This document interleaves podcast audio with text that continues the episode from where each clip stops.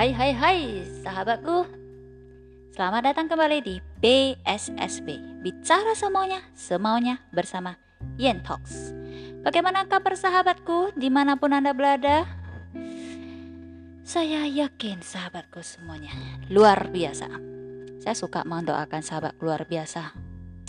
Karena mengapa? Aura positif yang luar biasa itu sangat luar biasa seperti saya yang mendoakan hari-hari Anda luar biasa, saya mengharapkan di era pandemi ini kita tidak akan pernah kenal namanya yang namanya yang namanya yang namanya menyerah. Kita harus selalu berusaha break it back. Kok belibet sih? Masuk dramatisir itu. Ah, berkreativitas lebih, memberikan yang lebih. Ayo, kita manusia yang memang sudah di berikan berkah agar kita bisa selalu beradaptasi. Jadi seperti di era sekarang pandemi sini ya kan, kita harus selalu berkreativitas. Ya, salah satunya ya dari podcast ya.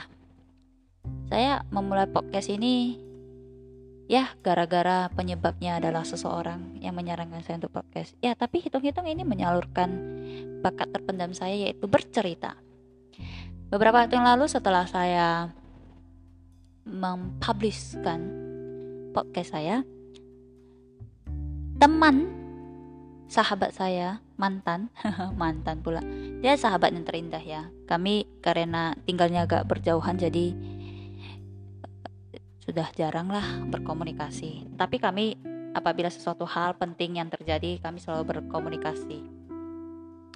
Kami sudah berteman satu sekolah dari TK, SD, SMP, SMA, tetapi mulai dekatnya itu di SMP.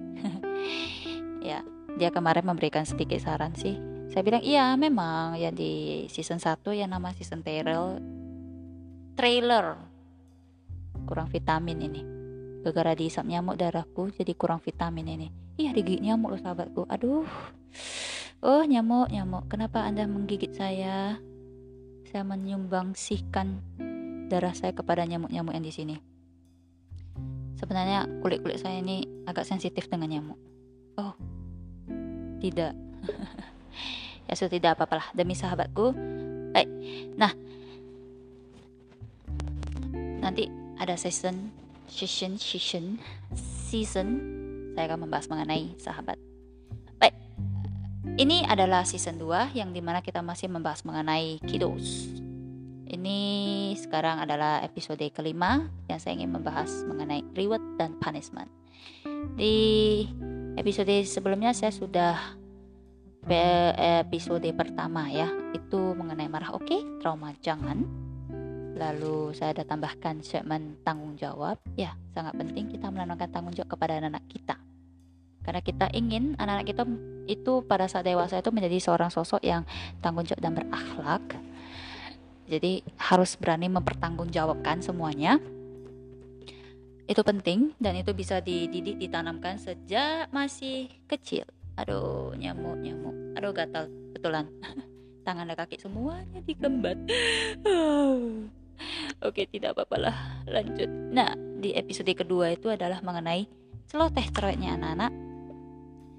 Dan episode ketiga, kapan boleh berkata tidak dan jangan. Lalu episode keempat, trik supaya anak tidak bosan dan supaya tidak terlalu ke kecanduan gadget di situ saya ada bahas juga. Jadi sahabatku boleh mendengarkan satu persatu apabila punya waktu luang, apabila ingin berbagi cerita silahkan kirim voice message, nggak usah capek ketik ataupun boleh DM. Kita boleh berbagi cerita di WhatsApp ataupun sahabatku mempunyai cerita-cerita yang lain, silahkan.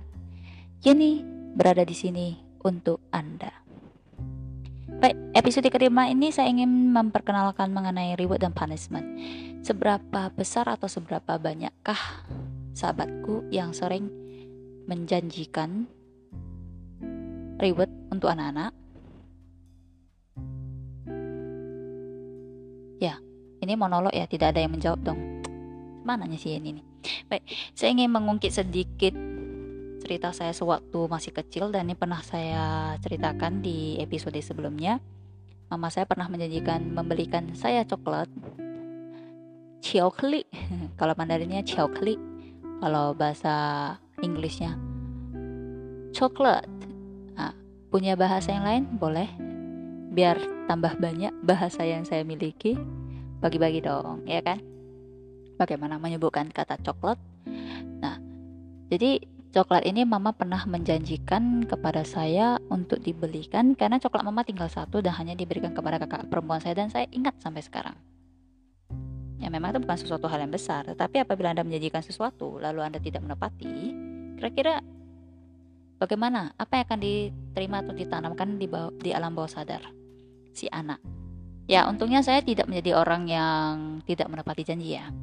Apalagi saya pada saat menjanjikan sesuatu, saya akan melakukannya dengan sungguh-sungguh.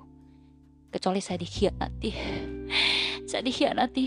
Ya, Anda sendiri aja mengkhianati saya, kenapa saya harus memegang janji saya? Betul tidak sahabatku? Lah, ini kejadiannya curhat. jadi, nah, pada saat kita menjanjikan, jadi seringnya kita pada saat kita menjanjikan ke anak-anak tersebut kita harus bisa menepati apabila kita tidak bisa ya kita harus bisa mengawalnya dengan mengucapkan kata maaf. Kita mau tetapi tidak bisa atau belum memungkinkan next time. Tapi next time itu betul-betul nanti harus kita tepati ya. Jangan janji tinggal janji. Sudah berapa tahun ini mama saya juga belum membelikan saya coklat kembali. Ya kan? Nah. Tenang, mama tidak akan mendengar podcast saya. Jika dia tidak akan mengerti. Ah, bahasa Indonesia males saya katanya. Oke, okay. Nah, jadi untuk anak-anak kita sering menjanjikan penghargaan seperti apa? Saya ingin tahu. Jadi sahabatku boleh nanti komen, boleh kirim voice message menjanjikan penghargaan seperti apa. Nah, terkadang kita menjanjikan itu apa? Oh, kalau kamu dapat nilai segini, nah, nanti saya belikan ini. Mendapatkan nilai segini, saya belikan ini. Jangan ya, sahabatku.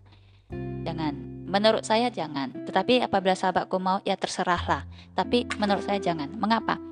Pada saat kita memberikan sesuatu terlalu mudah, itu tidak akan dihargai. Jadi, misalkan kita bilang, "Oh, kalau kamu ujiannya 100, 1 100, mama kasih 1000." Oh, jadi dia nanti menghitung. Oh, aku kalau 100-nya 1 dapat 1000.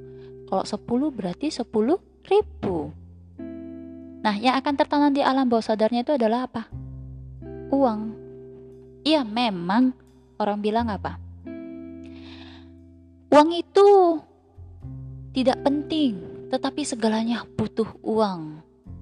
Ya memang tidak ada salahnya, tetapi kita harus bisa mengajarkan di dunia ini yang kita kejar itu bukan hanya dari segi materi. Yang paling penting ada itu adalah apa? Kepuasan diri. Jangan kita mengajarkan mendidik sesuatu itu dari hanya sekedar kepuasan materi.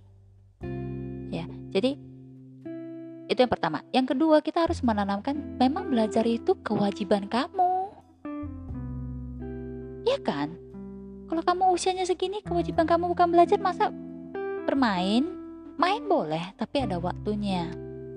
Nah, biasakan saya kalau menjanjikan itu misalnya dari segi, oh kalau misalnya kamu juara sekian, saya kasih apa?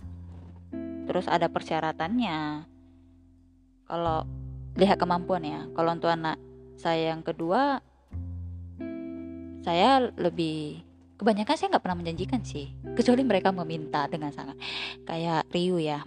Kayak bahasa Medan kayak gitulah. Pakai kayak kayak ya kayak Ryu dia sering bilang e, mami I want a skateboard. Oke kalau kamu mau skateboard kamu harus uh, yang pertama mami tidak mau mendengar bahwa sang guru kamu mengatakan kamu tidak menuruti atau tidak mengerjakan tugas atau apa. Jadi itu yang saya tanamkan, itu yang saya berikan. Nah, yang kedua, saya juga bisa memberikan beberapa persyaratan lainnya. Seperti oh nilai kamu tidak boleh ada yang di bawah 80. Ya harus tinggi dong. Nanti dia bilang nggak boleh ya. Ini kadang nego. Kalau misalnya 71 aja boleh nggak? Boleh. Nah, nego-nego lah. Itu itu bagus loh. Berarti dia belajar bertransaksi dengan maminya. Jadi anak itu dia tidak ada apa ya kita bilang monoton. Dia mempunyai inisiatif. Nah itu kan bagus. Kan kalau dia nanti besar jago nego kan keren itu.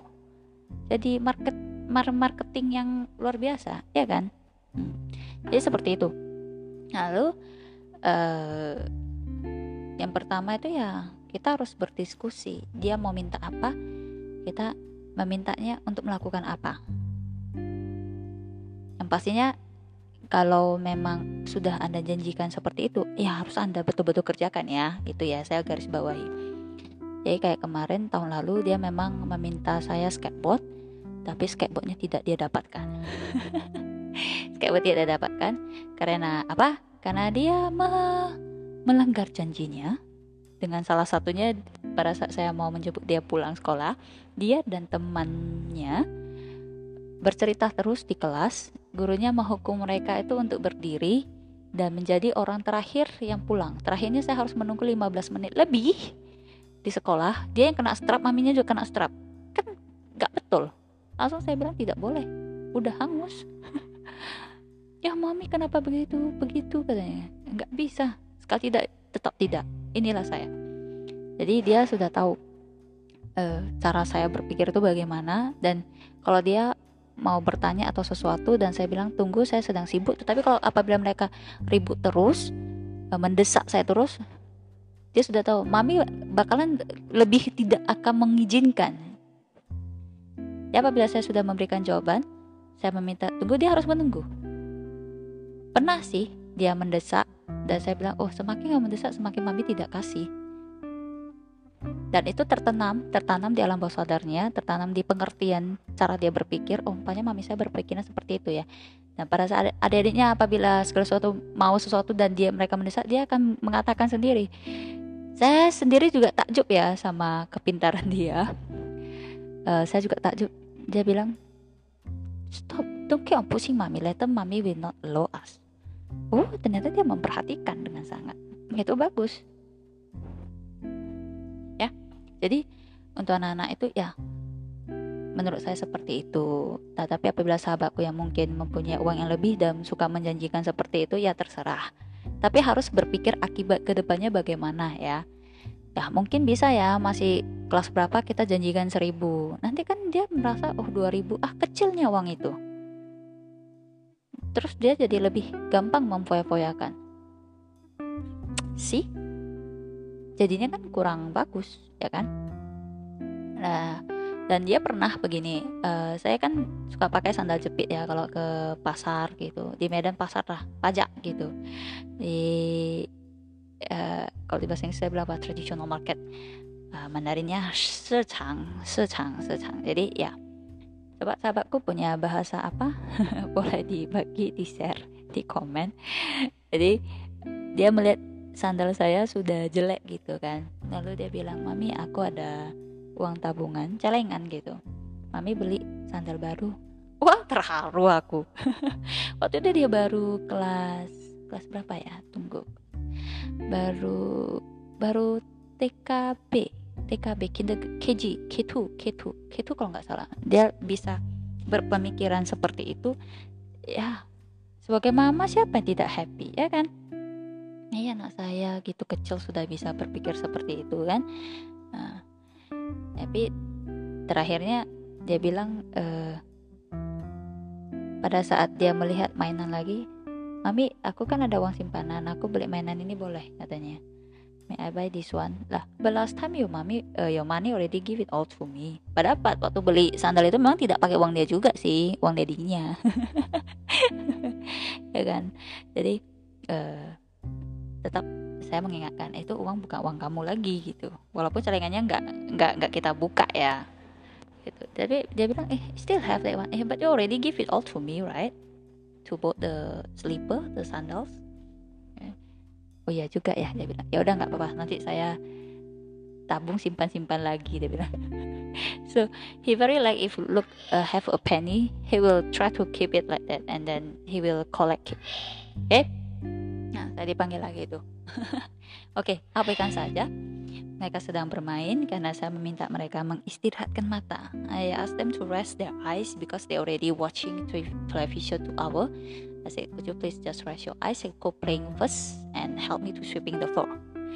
Ya kan, udah kelas 3 SD ya kita sudah harus bisa meminta mereka itu melakukan pekerjaan rumah sedikit-sedikit walaupun tidak akan sesuai dengan kemauan saya ya kebersihannya cara menyapunya bagaimana gitu. Yang penting mereka belajar. Itu intinya. Mereka mau mencoba melakukannya. Uh, ya mau kayak mana? Kalau mamanya perfeksionis masa perfeksionis juga sama anaknya? Kan tidak mungkin ya. Oke. Nah lalu bagaimana apabila si anak berbuat salah? Kita menghukumnya bagaimana? Pernah saya pakai terik pernah. Ya kadang kita namanya manusia ya. Saya juga tidak sempurna. Saya pada saat tertentu saya juga bisa lose control saya bisa scream I, I can yell at them and then after that I feel guilty. Why I yell at them gitu. Jadi dari perasaan guilty itu saya belajar untuk pada saat saya marah saya diam. Saya tarik nafas saya hanya melihat. Dan see he just look at my expression. Dia hanya melihat ekspresi muka saya dan dia sudah tahu oh iya saya salah jadi muka kita ini sebenarnya paling gampang. Kita ekspresikan saja daripada Anda teriak-teriak marah, ya kan, sahabatku? Jantung Anda berdebar kencang gitu, ya. Jadi untuk anak-anak cara menghadapi sebenarnya tidak usah, tidak usah berteriak. Pernah berteriak, pernah. Tetapi apabila sahabatku berteriak juga, ya, cobalah dikurangi. Saya tantang Anda, kurangin. Kurangin cukup saja dengan tatapan mata. Cia, jadi hela nafas, kita menghirup. Terus kita lihat dia. Dia akan tahu, oh iya saya salah. Kalau dia belum mengerti, dia akan bertanya, why mom? What happened? Ya, jelaskan. Mami don't don't want you like this. Why you do that? Nah, kita jelaskan. Nah, pertama kali saya menghukum si Ryu itu sebenarnya ngurus anak pertama itu dasarnya ya menurut saya ya bagaimana saya mengurus anak pertama saya itu diikuti terakhirnya sama adik-adiknya. Jadi pada saat saya menghandle anak pertama saya untuk menghandle anak yang nomor 2 dan 3 itu sudah gampang. Nah, pertama kali saya pernah menghukum dia berdiri itu dia sudah usia entah dua atau tiga tahun ya seperti itu. Jadi dia pernah melakukan kesalahan saya sudah lupa kesalahannya apa. Saya meminta dia Eh, uh, berdiri. Uh, eh, saya tidak tahu bahasa Inggrisnya bagaimana karena saya kalau ngomong itu kadang campur-campur ya sama anak-anak ya. So I ask them to cancai, cancai, siangpi saya cancai. Nah, stand over there. Jadi ada pintu atau dinding gitu. Saya meminta dia berdiri menghadap dinding atau pintu membelakangi. Ya, pertama kali dia kan tidak akan mengerti apa sih itu gitu kan saya menggendong dia mengangkat gitu mengangkat. Saya memposisikan dia. Terus dia kan balik lagi jalan. Saya menghukum lagi ya kan? Kasih dia berdiri lagi saya bilang uh, mami punish. I give you punishment. I give you punishment because you do like this this. So this is your punishment. 5 minute. Terus saya uh, set aja timer pakai handphone. Nah begitu sudah berbunyi baru saya bilang tahu tadi kamu salah melakukan apa? Terus nanti kan dia kasih tahu tuh apa-apa. Ya oke. Jadi next time tidak boleh seperti itu lagi. Nah sering berjalannya waktu malah yang kedua ketiga itu tidak ada. Jarang sangat jarang saya hukum. Uh, karena mereka melihat si abangnya si Ryu kena hukum seperti itu. Jadi mereka tahu oh ini tidak boleh itu tidak boleh. Kasihan sih yang pertama ya jadi tempat penghukuman. Tapi ya itu namanya ya sebuah pembelajaran. Dan memang paling aktif paling kreatif itu ya memang dia. Paling kepo ya memang dia gitu. Paling banyak akal memang dia gitu. Jadi setelah seperti itu ya yang nomor 2 dan nomor 3 tidak mengulangi lagi jadi apakah ini kamu pernah pukul? Pernah, pernah marah, pernah banget. Nah, kemarin pernah saya share di episode sebelumnya yang di mana saya sangat marah besar sampai saya mem membuang buku-buku dia, baju-baju dia keluar kamar. Habis itu saya videoin, saya kirim kasih mama. Mama bilang wah kejamnya, tapi tidak apa-apa. Namanya mendidik anak ya. kita lebih bagus kejam itu kejam sekarang daripada kejam setelah dia dewasa nah di pepatah China kuno Tiongkok sana ada sebuah pepatah yang mengatakan saya sudah lupa ya bahasanya bagaimana kalau di bahasa Mandarin cuma pengertiannya seperti ini. Bambu sahabatku semua tahu yang namanya bambu. Nah bambu pada saat dia masih kecil ya masih muda itu kan bisa kita hias ya kita bisa buat jadi sebuah seni ya e, bisa dibentuk ya kan? Diikat gitu. Terus dihias pakai pita. Pernah melihat? Dan orang sering tuh dijual gitu kan? Nah bayangkan apabila bambu itu sudah besar sudah tinggi sudah menjulang masih bisa tidak kita bentuk? Masih bisa nggak kita tarik gitu? Itu tidak akan bisa. Yang adanya pada saat kita tarik itu kita yang akan terlempar melon terlontar ke angkasa terbang cium gitu jadi untuk anak-anak itu ya seperti itu kita harus membentuk karakter dia, mendidiknya dari kecil. Bukan setelah dia dewasa. Jadi apabila ada orang bilang, "Ah, tidak apa-apalah, nanti kalau udah besar dia udah tahu sendiri tuh." Tidak akan. Justru pada saat kecil itulah kita harus habiskan 12 tahun pertamanya itu untuk untuk kita didik, untuk kita bentuk sedemikian rupa. Karena kenapa? Apabila sudah lewat dari 12 tahun itu yang akan mempengaruhi sikap dia, cara berpikir dia adalah fenotip. Fenotip itu ya, apa? Sekelilingnya, teman-temannya seperti itu. Nah, jadi dasar paling penting itu ya di siapa? Ya di orang tua, di mama. Di mana dia habiskan waktu paling banyak itu ya dengan mama. Ya mama sendiri juga harus seperti itu, harus menghabiskan waktu bagaimana mendidik. Jadi eh, anak-anak kita itu mempunyai dasar yang kuat, yang pemahamannya yang bagus. Itu paling penting. Menurut saya ya, apabila sahabatku ya tidak terima ya sudah apalah dalah apalah daya saya gitu. Tapi menurut saya saya mendidiknya susah sewaktu mereka masih kecil. Sewaktu mereka masih umur satu tahun, dua tahun, tiga tahun gitu ya kan, memberikan sebuah kebiasaan baik itu ya repot pula balik merepet bolak balik merepet. Oh sampai capek saya. Makanya saya podcastnya baru sekarang. Kenapa?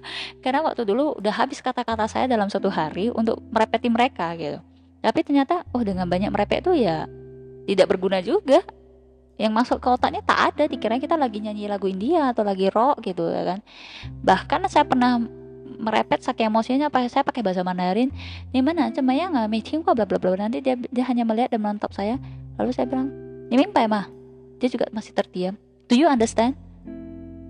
Dia hanya menjawab, sorry mami I don't understand. Karena saya pakai bahasa Mandarin. Oh my goodness. Jadi kadang saya merepet yang uh, serius, saya kadang pakai bahasa Inggris kan. Saya bilang, ngerti nggak? Kalau tidak ngerti, mami translate lagi ke bahasa Hokkien gitu, Fochin Hua. Ah, uh, 不如妈咪用中文跟你讲话。啊，哪一句话你比较懂 ？bahasa mana yang kamu lebih ngerti? Ya karena kenapa ya? Uh, saya pernah diprotes ya waktu ke rumah mertua. Aduh capek ngomong sama anakmu ini bahasanya kami nggak ngerti katanya. Karena anak saya ketiganya kan fluently English gitu. Jadi mertua cowok saya sama mama mertua cowok saya aduh tidak ngerti saya tahap apa yang mereka omongkan katanya. Nah kalau sama mama saya lebih lucu. Mama saya kan uh, Medan kan lebih banyak pakai bahasa Hokkien ya Hokkien biasa gitu. Mama saya juga bilang aduh mereka ngomong apa saya juga tidak bisa mengikuti gitu. Jadi apalagi sama si Rainer sama anak saya nomor tiga itu asli dia bahasa Hokkiennya sama sekali zero sama sekali tidak tahu. Jadi waktu mau saya ngomong sama dia aduh capek kali ngomong saya coba bilang kayak gini lah sama anakmu translate kan dulu coba yang ada saya tertawa ngakak terbaba ya apa salah saya mau bagaimana? Saya sendiri sejak anak saya masih bayi ya sejak dalam kandungan saya sering berkomunikasi sama mereka. Sering saya berkomunikasi saya tidak menginginkan mereka bahasa Inggrisnya harus fluently enggak gitu. Tapi apa yang saya rasakan saya ucapkan. Mau pakai bahasa Hokkien mau pakai bahasa Mandarin saya elus-elus perut saya dan sering saya komunikasi. Ngomong terus lah apa yang saya rasakan saya ngomong. Saya capek saya ngomong. Saya cerita ayo mami hari ini capek kali. Uh, oh, dulu aku pakai mama ya. Oh Hanley hari ini saya capek sekali. Tadi ada murid mama yang begini-begini. Saya cerita saya kasih tahu. Terus malam waktu mau tidur saya kasih dengar musik gitu. Musik Mozart Mozart gitu kan gampang dari handphone tinggal searching kan. Uh, saya kasih tahu gitu. Uh, reaksinya itu lucu. Uh, mereka akan memberikan tendangan di perut atau bagaimana gitu uh, dengan komunikasi seperti ini ya sahabatku anak-anak itu dia akan lebih mengerti. Nah jadi apabila saya capek dia ya gerakannya itu tidak akan lasat sampai gimana enggak. Gitu apalagi yang yang pada saat hamil anak yang kedua ya itu adem ayem gitu. Oke nah, jadi sama anak itu sebenarnya itu komunikasi jadi mau kita hukum pun kita harus berikan alasan. Mau kita mau mereka meminta reward hadiah pun kita harus juga memberikan sesuatu. Jangan terlalu gampang mereka meraihnya. Karena sesuatu yang terlalu gampang didapatkan itu tidak akan dihargai. Betul tidak sahabatku? Cobalah, coba sahabatku sendiri. Saya gampang nih dapat ini. Apakah lalu Anda akan menjaganya? Hmm, tapi pada saat Anda susah meraih sesuatu akan Anda akan lebih lebih menjaganya dengan sepenuh hati. Coba di di sharing lah. Oke, kirimkan pesan Anda voice message Anda gitu kepada saya. Karena memang anak-anak itu dari sejak dalam kandungan kita. Ya sahabatku terutama yang perempuan ya Anda mempunyai suatu nilai plus karena Anda adalah makhluk pertama yang akan didengarkan. Karena dalam dari dalam sejak kandungan pun detak jantung pertama yang dia dengar adalah detak jantung Anda. Suara terindah nyanyian yang dia dengar adalah suara Anda. Sentuhan pertama kali yang dia rasakan adalah sentuhan Anda. Jadi sahabatku yang menjadi mama itu adalah pengalaman yang sangat luar biasa. Apa pun itu, komunikasikan. Ungkapkan apa yang Anda rasakan. Yakinlah 100% anak-anak itu akan mengerti. Jadi, saya pada saat saya capek, saya kerja, saya akan menceritakan kepada mereka. Menceritakan, aduh mami capek hari ini loh. Oh mami masih ngajar ya habis ini ya? Iya. Siapa murid mami? Nah, kita ceritakan seperti itu jadi pada saat mereka memberantakan mainan, saya masuk kamar. Aduh, kok berantakan? Aduh, mami mau sapu nih, mami mau mau mem, mem, mem, membersihkan atau merapikan gitu kan. Mami ya cengli. Susah kalau ngomong bahasa bahasa Indonesia. Ayo, wes sama uh, why what happened with our bathroom? Why so messy? I need to clean it now because later I have student. Jadi mereka ngerti. Jadi mereka langsung ayo ayo ayo ayo. Mereka kerja sama tiga. Come on, hurry up. We arrange all of this jadi mereka akan susun balik dan saya bisa menyapu. Terkadang dia akan bilang oke okay, mami it's okay it's okay. You just you just relax you just relax. I will I will arrange all back uh itulah Siriu jadi walaupun dibilang sama uh, yang lainnya oh Siriu ini ya lasa atau apa gitu dia anak yang sangat ringan tangan. Jadi saya sangat bersyukur mempunyai tiga orang anak yang karakter yang berbeda-beda, mempunyai keunggulan yang berbeda-beda, walaupun mereka pasti ada kelemahan seperti saya layaknya manusia. Itulah tetap yang harus kita syukuri.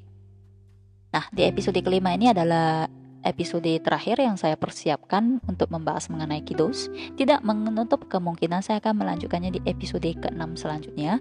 Tapi untuk sementara ini ya ini catatan saya ya sampai episode kelima, di mana saya membahas mengenai uh, pemberian reward sama punishment untuk anak-anak. Semoga bisa memberikan pencerahan atau masukan kepada sahabatku dan semoga anak-anak kita bisa menjadi anak-anak kebanggaan. Dan ingat sahabatku, kita adalah makhluk pertama yang mereka kenal. Ungkapkan ceritakan, komunikasikan. Apa pun itu. Okay? terima kasih. See you when I see you.